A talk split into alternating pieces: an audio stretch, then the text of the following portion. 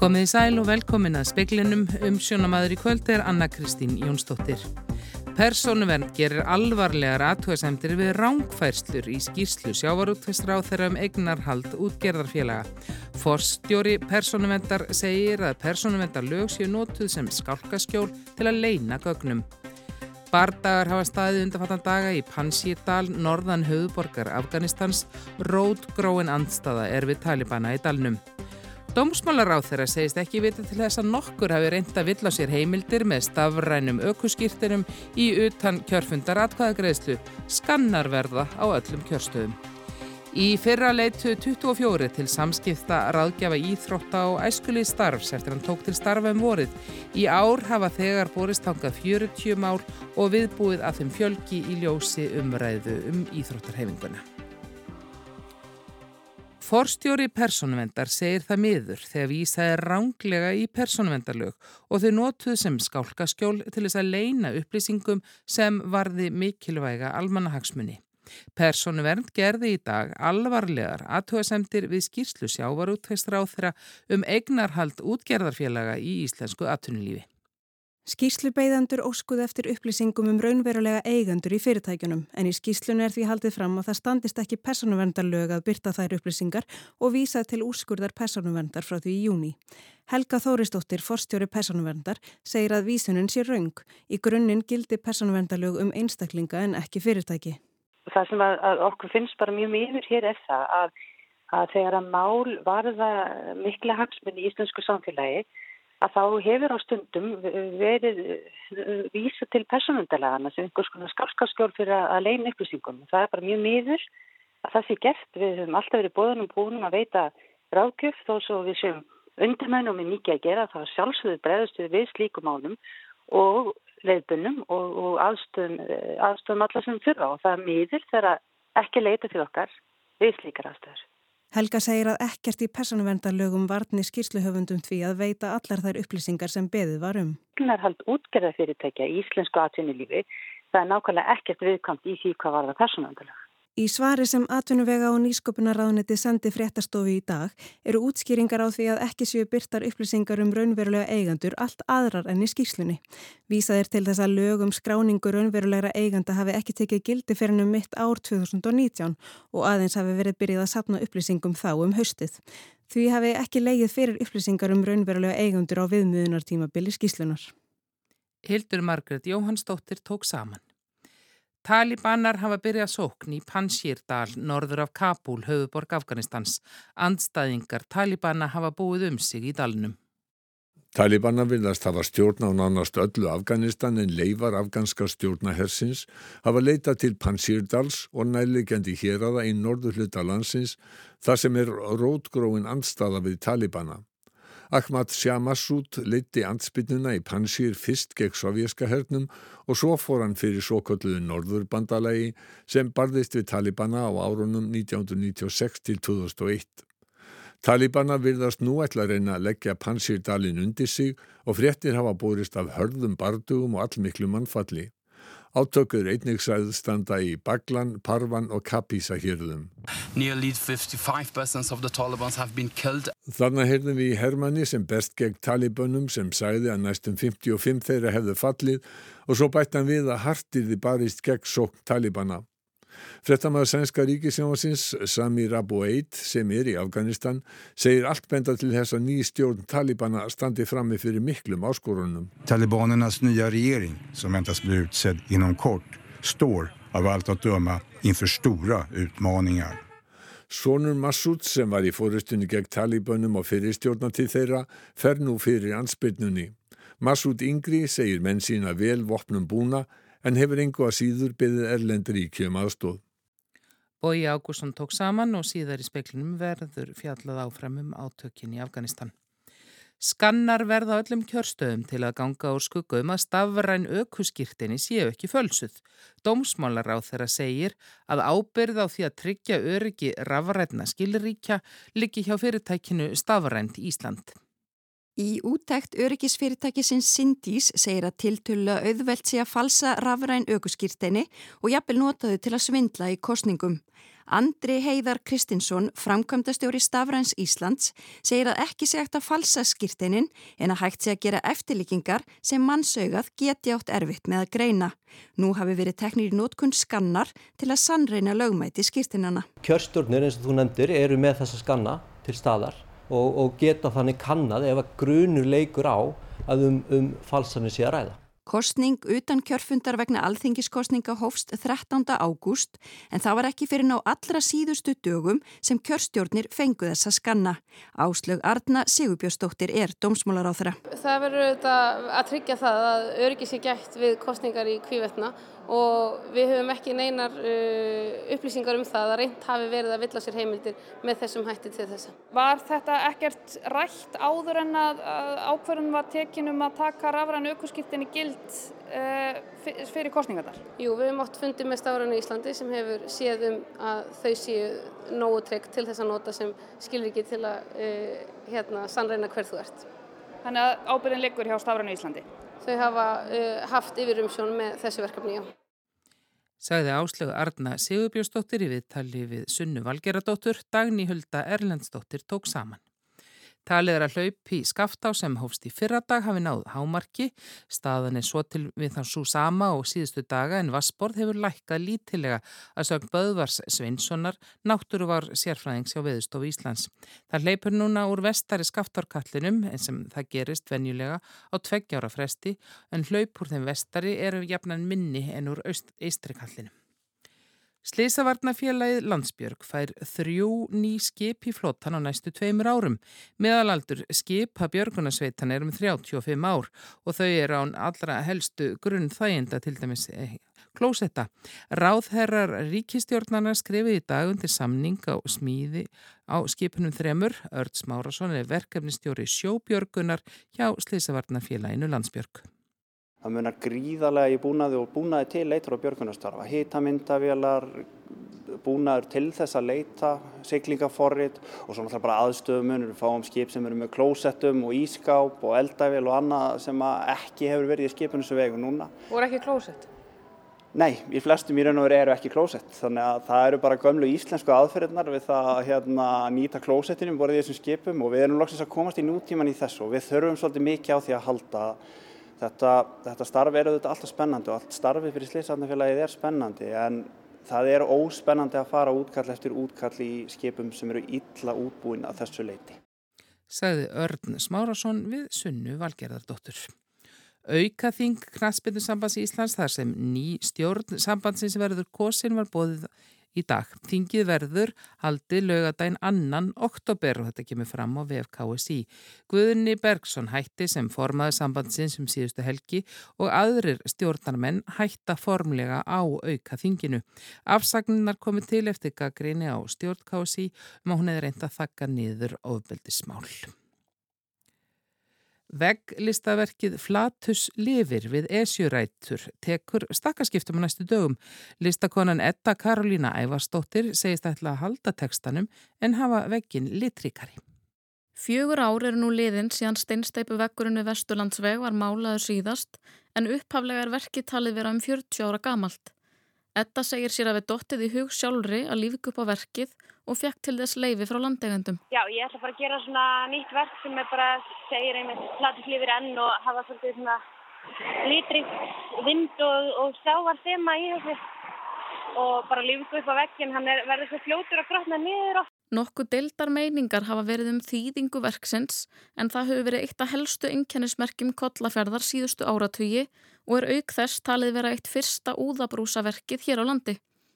Etta segist vonast til þess að nýja verkið muni príða vekkin í næstu viku en hún hefur fengið töluverð viðbröð frá aukumönnum. Ég fær rosa mikið að bítum en ég veit ekki hvað þau er að þýða en það er ekkert mikið verið að kipta sér upp þetta. Er veðrið ekkert að stríða er hvernig gengur að, að mála í regningunni? Það gengur vel núna sko. Ég er búin að hafa sagt, dagurinn í gær og í fyrra dag voru þurrir þannig að byrja að mála í gær.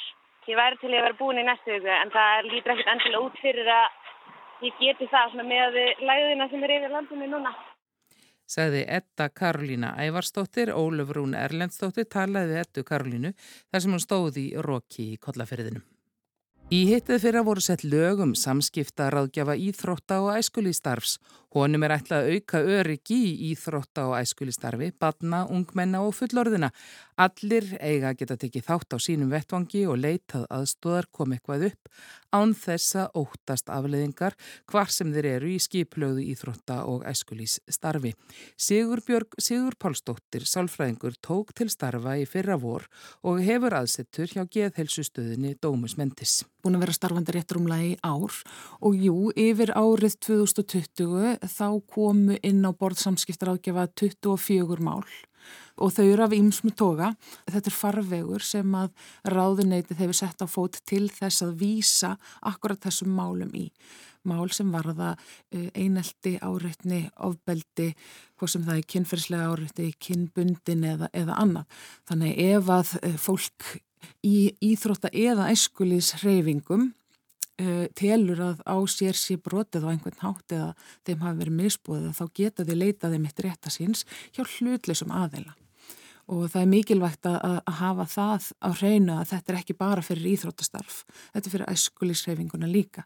Þannig að þetta, þetta úrræði er fyrir, fyrir ansið marga. Sigur Björg segir að vittnesken um það að hægt sé að leita til samskiptaraðgjafir höfuð, sé hægt og rálega að dreifast út. Kórónuveru faraldurinn hafi líka markað margt í samfélaginu.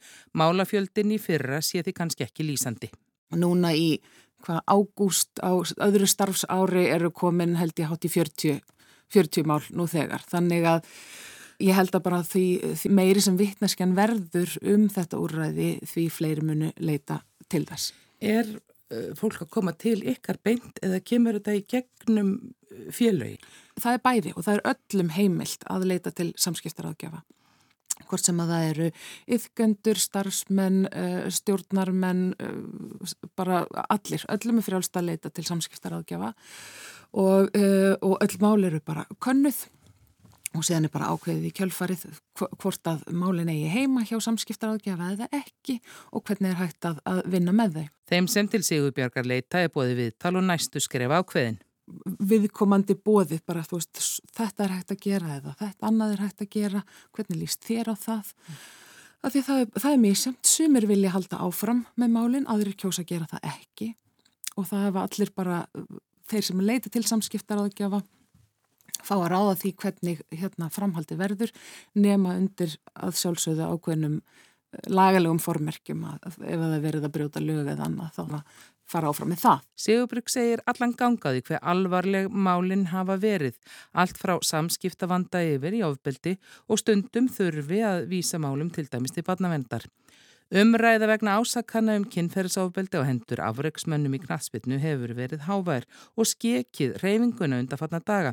Talað um að íþróttarreyfingin þurfi að taka á málum að festu. Við erum að sjá það akkurat núna að þegar svona mál koma upp að þau eru viðkvæm og þau eru flókin og það er mjög mikilvægt að þau fái faglega og hlutleysa meðhöndlun. Eh, það er, það er ferli sem að ég veit að, að ráðaneyti vill að málinn fari í er sami farvegurinn fyrir fyrir alla. Það er búið ákveð að það eigi að vera samskiptaráðgjafi handtækja á móti, á móti málum. Það, þannig skapast líka grundvöldur fyrir að þá aðila sem að, sem að trúa því að það hafi verið brotið á þeim að þau geti leitað í þennan farveg. Þegar svo uppbygging er komin að þá vonandi skapast þetta tröst til þess að leita í þennan, þennan farfi. Stundum er það svo að fólk burðast með erfiðar einsluða tilfinningar í langan tíma og Sigurbjörg segir að það getur verið eðlilegt. Þetta á sér staðin alltaf í öllu samfélaginu. Þú veist, núna er fókusin svolítið á íþróttarheyfinguna en að þetta er náttúrulega Tölfræðin sínur okkur að þetta á sér stað allstaðar, að þetta komi upp hjá íþróttarhefingunni okkur og núna það því er ekki að það sé allt hræðilegt hjá íþróttarhefingunni eða æskulísreifingunni. Það sé mikið og gott samstarf milli allara þessara stóru reifinga þar sem að betra og örugara starfi en án vonaði að fleiri leiti tilnar í ljósi umræðunar. Já, það er alveg ljóst að, að það, er, það bara er að vakna mikill áhugi fyrir einmitt bara að gera hlutina rétt. Er að sjálfsögða er alltaf að koma inn mál og, og á þeim er bara tekið eftir eftir bara því ferli en, en, en það er líka fólk, félög og einstaklingar er að svona koma fram og segja, heyrðu, ok, veist, eru við með allt okkar á réttu róli. Hafið eitthvað komið að því að búa til leiðir mm -hmm. hjá félugunum eða þeim sem er að skipilegja starf þar sem mögulega getur eitthvað gerst til þess að búa til og sínilega leiðir og, og auka vitun þeirra sem eru í kringum það. Hvernig er að bræðast við? Já, eins og ég nefndi á þann að starfsamskiptaraðgjafa var sett í lög og ein af skildum samskiptaraðgjafa samkvæmt lögum er að samræma viðbras áætlanir við meðal annars ofbeldi í Íþrótt og æskulis reyfingum og bara sameina það og samræma þverti við landið. Eh, fyrra á þessu ári hófst bara vinna vinnuhóps sem er einmitt skipaður fulltrúum úr öllum Íþrótt og æskulis reyfingum landsins sem er bara að vinna í því að búa til akkurat þessa viðbras áallin, þess að þetta plan sem að ætti að vera síðan öllum aðgengilegt, af því að það er ekki að því að félög eru misstór og, og, og með missmikið fjármagn eða missmikið af, af, af mannauði til þess að sinna þessu þannig að það á ekki að bytna á yfgendum að, að kannski eitthvað félag sem er minna bólmagn til þess að sinna þessu. Og Sigurbjörg ítrekkar að öll mál séu könnuð. Það er ekkert útilokunar aðrið að þetta hafi ekki gerst inn á inn í rými æskulísfélags eða inn á velli íþróttafélags. Sagði Sigurbjörg Sigurpálsdóttir. Sigur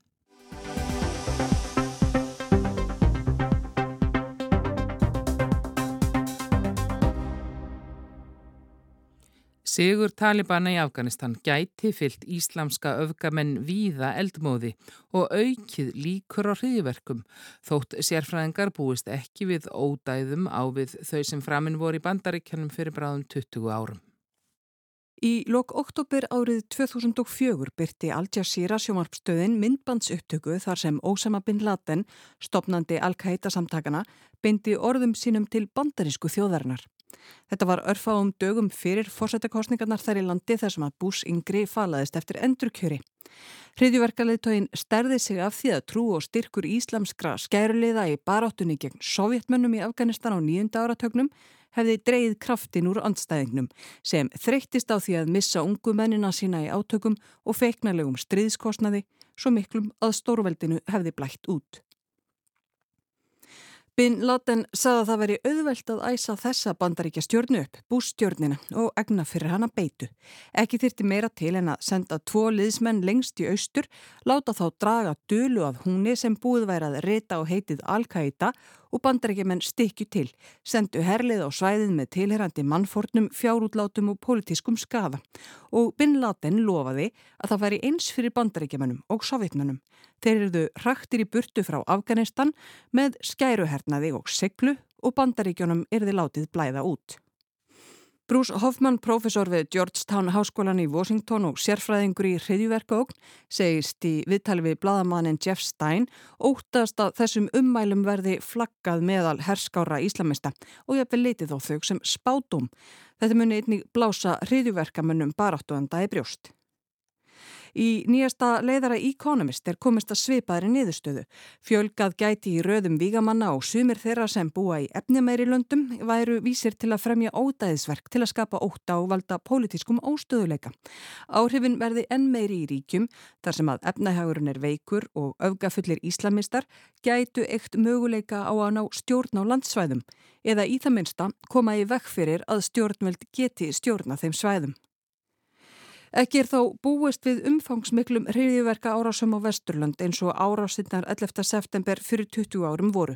Slíkt er orðið flóknara en áður út af hertu öryggi og að auki er ósannlegt að talibanar geti leift á sínu áhrifasvæði stórar æfingabúðir fyrir reyðiverkamenn í Vígahög líkt og áður.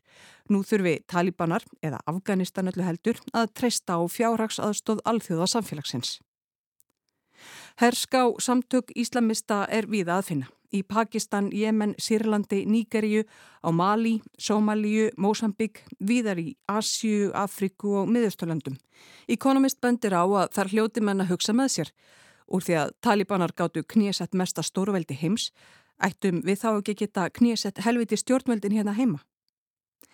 Sigri Talibana og bandaríkjamönnum í Afganistan var víða fagnað. Í Jemen voru sprengtir fljögaldar, í Sómalíu var sætindum dreift út til borgara og í Sýrlandi var Talibunum rósaði hástert fyrir að sína fram á hvernig ætti að bera sigur orð af glæpsamlegum stjórnvöldum með heilugu stríði.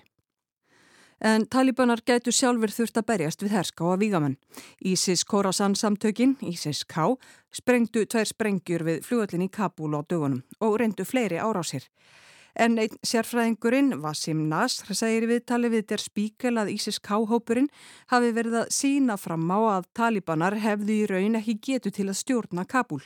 Ísis K væri með þessu að greina sig frá talibunum sem hefðu látið það viðgangast dögum saman að Afganir flýðu land. Bandaríska utanríkisráðunitið heldur út í lista yfir hriðjverkasamtök. 72 hriðjverkahópari eru á þeim lista, þar af átján í Afganistan og í Pakistan. Saminuðu þjóðurnar telja að undanfarið hafi um milli 8 og 10.000 erlendir hriðjverkamenn hópast yfir til Afganistan. Flestir tengist til Talibunum en aðrir stiði Al-Qaida eða ISIS. Í samantækt fyrir öryggisráð saminuðu þjóðuna frá því sömar er bent á að þorrið leiðtoga Al-Qaida hafi komið sér fyrir í landamæra héröðum Afganistans og Pakistans. Þá sé fjöldi vígamjana Al-Qaida og annara erlendra öfgahópa sem þó eru tengdir talibunum á víð og dreif um Afganistan. Vasim Nasr bendir í viðtalinu við spíkala á að lítill munur sé á talibunum fyrir 20 árum og talibunum nú. Hér er gamalt vín á nýjum belgjum og ekki einu sinni alltaf nýjum belgjum, síður en svo. Abdul Ghani Baradar sem nú er einn helsti leðtói Talibana tók þátt í að stopna hópin á sínum tíma og samt Mohamed Omar sem lést fyrir átta árum. Haqqani hriðverkasamtökin eða Haqqani Network eins og yðurlega er vísa til hópsins á ennsku hafa bæði sterk tengsl við Talibana og Al-Qaida. Hópurinn heyrir strangt til tekið undir Talibana en er samt sjálfstæð eining, upphaflega afgönsk en er nú með aðsettur í Pakistan þar sem haldið er hlífiskildi yfir samtökunum. Hátsettir menn innan Haqqani samtakana fengu það hlutverk eftir að Talibanir tóku Kabul að sjá um öryggi í borginni. Haft hefur verið eftir fyrirvænandi hátsettum breskum embætismanni að það að setja Haqqani menni yfir örgismál höfuborgarinnar sé eins og að fá ref til að gæta hænsnabúsens. Tengsl Haqqani manna við Al-Qaida eru allt frá tímum stríðsins við sovjetmenn. Haqqani samtökinn tóku á móti og þjálfuði í búðum sínum erlenda eldtuga í Vígahug, múslima sem vildu berjast gegn sovjetveldinu. Eitt þeirra var Sáti, sonur vellauðug speikingaverktaka, hávaksinn og yfirvegaður og sama bin látin. Og einhverjir muna kannski eftir Haqqani-hópnum í hinnum feiknavinsælu serial hlaðvarpstátum fyrir nokkrum árum. Þar var fjallaðum bandaríska hermannin Bó Börgdal sem let sig hverfa að vaktinni þá nýkominn til Afganistan árið 2009. Hann gerðist liðhlaupi virðist vera þó að margt sé loðið við söguna. Drátt fyrir ákafa leit bandarækjamanna var hann tekinn til fanga af Haqqani-hópnum við staður hér og þar í Afganistan og Pakistan við ömurlegar aðstæður meðal annars í örleitlu búri. Fimm árum síðar var honum sleft í skiptum fyrir fimm hátsetta talibana sem bandarækjaman höfði vistað í sínum búrum í Guantanamo fangabóðunum Alræmdu og Kúpu. Eitt þeirra var Mohammad Nabi Omari. Hann var í Guantanamo í 12 ár. Talibanar hafa nú gert Omari að héraðs höfðingja í kosthéraði í norðausturluta Afganistan við landamæri Pakistan. Lítill heimur gæti einhver sagt, kannski lítill en óurlega flókin og sérfræðingar eru alls ekki á sama málu um hvað tekur nú við. En meiri óstöðuleiki og óöld sennilega en með því að loka sendiráðu sinni í Kabul hafa bandarækjumenn gulltrygt að þeir fá minni upplýsingar minninjóstnir um hvað sé á segði herbúðum íslamskra öfgahópa í Afganistan, uppbeldistöð hriðverkamanna, gravreit stórveldana. Ragnhildur Torlasíu saði frá.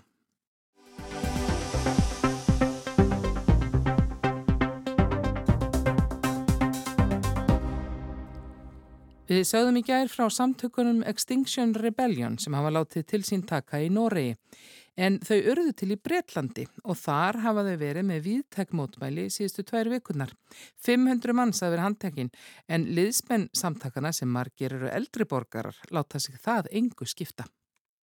Þegar fréttist af stopnu nýra umhverfissamtaka 2018 kom strax fram að þau ætluðu sér að beita öðrum aðferðum en áður hafið þekst. Extinction Rebellion eða uppreist gegn útrýmingu, XR eins og þau kalla sig líka voru meðal annars stopnuð að því önnur umhverfisamtök væri ekki nælega rótæk. Það var því tákgrænt að fyrstu aðgerðnar beindust að grænfriðungum. XR-hópur setti stað á skrifstofu Greenpeace í heilan dag í oktober 2018.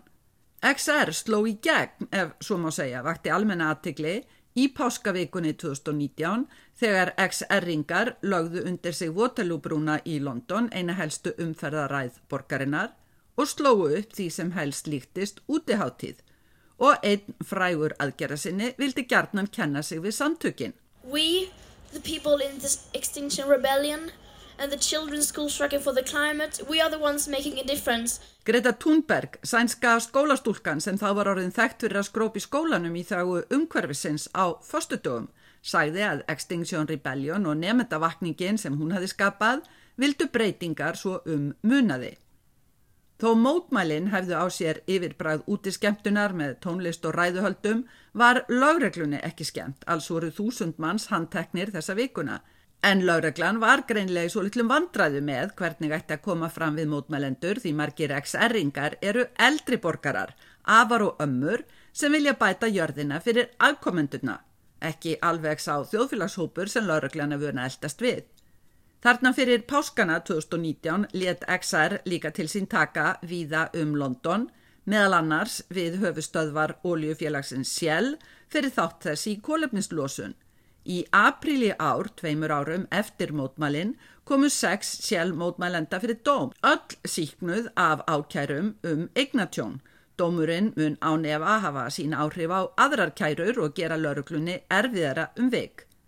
Samtökin hafa frá upphafi haft ákveðna stefnusgrá um viðmið í umhverfismálum sem þau krefjast að stjórnvöld taki tillit til. Samtökin eru lauslegt samflott, orðin að 650 hópum í 45 löndum. Fastur liður í mótmælum XR er borgaraleg óhlýðni, fólk sest eða leggst niður, lími sig fast við byggingar við hurðir og glukka til að hindra eða tefja umferð almennt að gera eitthvað óvænt, draga sér aðtigli, en ekki slást við laurugluna. Mikil aðtegli og jákvæðar móttökur í páskavikunni 2019 hleyftu kraft í samtökin sem heldu áfram margskonar mótmala aðgerðum við fyrirtæki og stopnanir. En spurningin var líka hvernig að halda þessu áfram. Í oktober 2019 stöðvaði XR-hópur neðanjara lest með því að klifra upp á lestarvagn á einni bröytarstöðunni í höfuborginni. Í þetta skiptið mættu XR aðgerðnar yngri aðdán og þá verið gerð hrópað mótmælendum heimurinn væri ekkit að farast. Það sögð upp úr, farþegar að flýta sér í vinnuna, greipu til sinna ráða og dróðu mótmælendur niður á vagninum. XR baðst afsökunar, mótmælinn misráðinn og gaggrínin heldist yfir samtökin meðal annars að þau væru allt of einsleit, mest velstætt millistjættarfólk, hvar væri eiginlega félagslega fjölbreytnin. COVID setti líka streiki reikningin, samtökin gengu í gegnum sjálfskoðun en núna eru þau aftur komin á kreik. Hér í höfuborginni hafa staði yfir tveggja vikna aðgerðir þeim á ljúka á morgun. Í morgun var til dæmis hópur lækna og heilbriðstarfsfólks í XR að mótmæla fyrir framann J.P. Morganbankan í Canary Wharf, lögðust niður til að vekja aðtikli á að engin banki fjárfesti jafn mikið og J.P. Morgan í óljuðnaði sem var í ógnun við heilbriði fólks. We are um, Dr. Skraxar and we're here because JP Morgan is the number one uh, investor bank for uh, fossil fuels. Í þessari umferð hefur lögreglan handtekið um 500 manns og XR kvartaði við harðhendum vörðum lagana og áberandi mikið af lögreglu í fjármálakverfinu og við brýr borgarinnar þessa dagana. Þetta er upphafið af mótmælum sem munu standa í kviðum fram í nógumber til að brína ríkistjórnina til aðgerða fyrir lofslagsráðstöfnu saminuð þjóðana sem verður í Glasgow í nógumber. Sigrún Davísdóttir saði frá. Og veðurhorfur eru þær að það verður áframhaldandi suðlag átt, sömstaðar kvassviðri vestan til á morgun, bætir í úrkomu sunnan og vestanland síðdeis en hægari og bjartviður á norðaustur og austurland og hitti breytist lítið. En gul veðurviðvörn er í gildi fyrir breyðafjörð frá því snemma á morgun til kvölds vegna sunnan og suðaustan kvassviðris og það má búast við mjög snörpum vindkviðum við fjall engum á norðanverðu Snæfellsnesi. Fleiri er ekki í speklinum í kvöld, tæknum aðri útsendingu var Magnús Þorstedt Magnússon, veriði sæl.